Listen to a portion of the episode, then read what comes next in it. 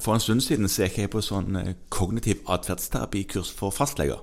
Ja. Det er et årskurs. Er det et årskurs? Det er et årskurs. Handler det om at fastlegen skal bli litt mer bevisst sin egen atferd? Eh, nei, eh, nei, de, nei da, det gjør ikke det. Det, Eller er det, er det bare en gunstig bivirkning? det er en gunstig bivirkning. Ja. Det er det. Ja. Men det handler om åpne spørsmål og synsing og føling og kognitiv diamant og den typen ting. Veldig nyttig. Det er jo et kjempenyttig kurs. Vi må kurs. reklamere litt for det kurset, fordi at det burde vi alle ta. Ja da, det er et veldig nyttig kurs, og det fins eh, mindre versjoner av det som varer kortere. Som eh, er en slags sånn teaser til dette store årskurset. Men nyttig kurs. Ja. I etterkant av det kurset så har jo jeg drevet på med mye mer samtaleterapi enn jeg gjorde tidligere. Ja, for det, nå toucher litt innom det, for det der med samtaleterapi i allmennpraksis, der er det jo en sånn egen takst for det. 6.15. Ja, og mange av oss har jo opp gjennom tiden lurt litt på hva som skal til. Ja. Som en klok kollega av meg en gang sa, det er to ting. Det ene er at man har en plan.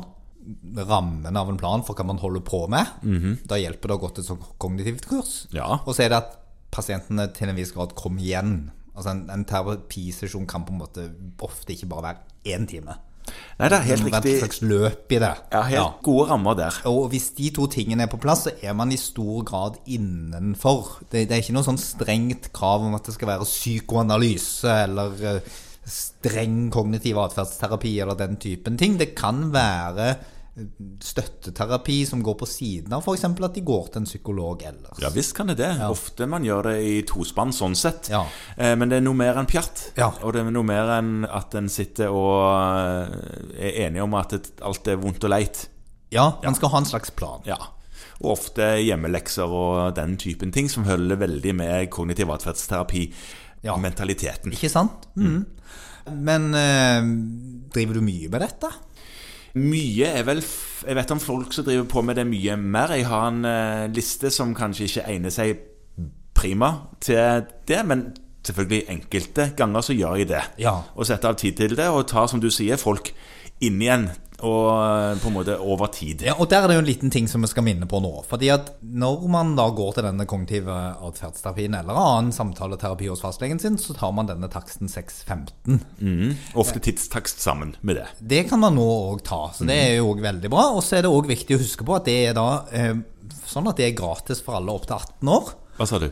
At det var gratis? Ja, Eh, altså Det vil si at det er ikke sånn at du må gi det bort, men du kan få da egenandelen refundert fra Helfo. Eh, Så altså, det du sier nå, at alle barn opp til 16 har jo, går jo gratis til deg som fastlege. Ja. Med mindre du skal bruke en utstyrstakst. Ja, ja. stemmer det. Men for de som er fra 16 til 18 Ja, så er det da gjort en vurdering av at det er veldig viktig at disse, hvis de har behov for det, Ja. faktisk følger opp samtaleterapi. Og da er det prioritert på den måten at da er det en egen sånn rubrikk der som du velger om de er ja, Du velger jo ikke om de er gravide, da, men Men du, Nei, det gjør du det håper jeg ikke du velger. Men uh, du skal velge om det er refusjon pga. graviditet, eller pga. smittefarlig sykdom, Ja. eller pasientens tilstand. Ja. Så er det òg en egen rubrikk der du kan velge samtaleterapi opp til 18 år.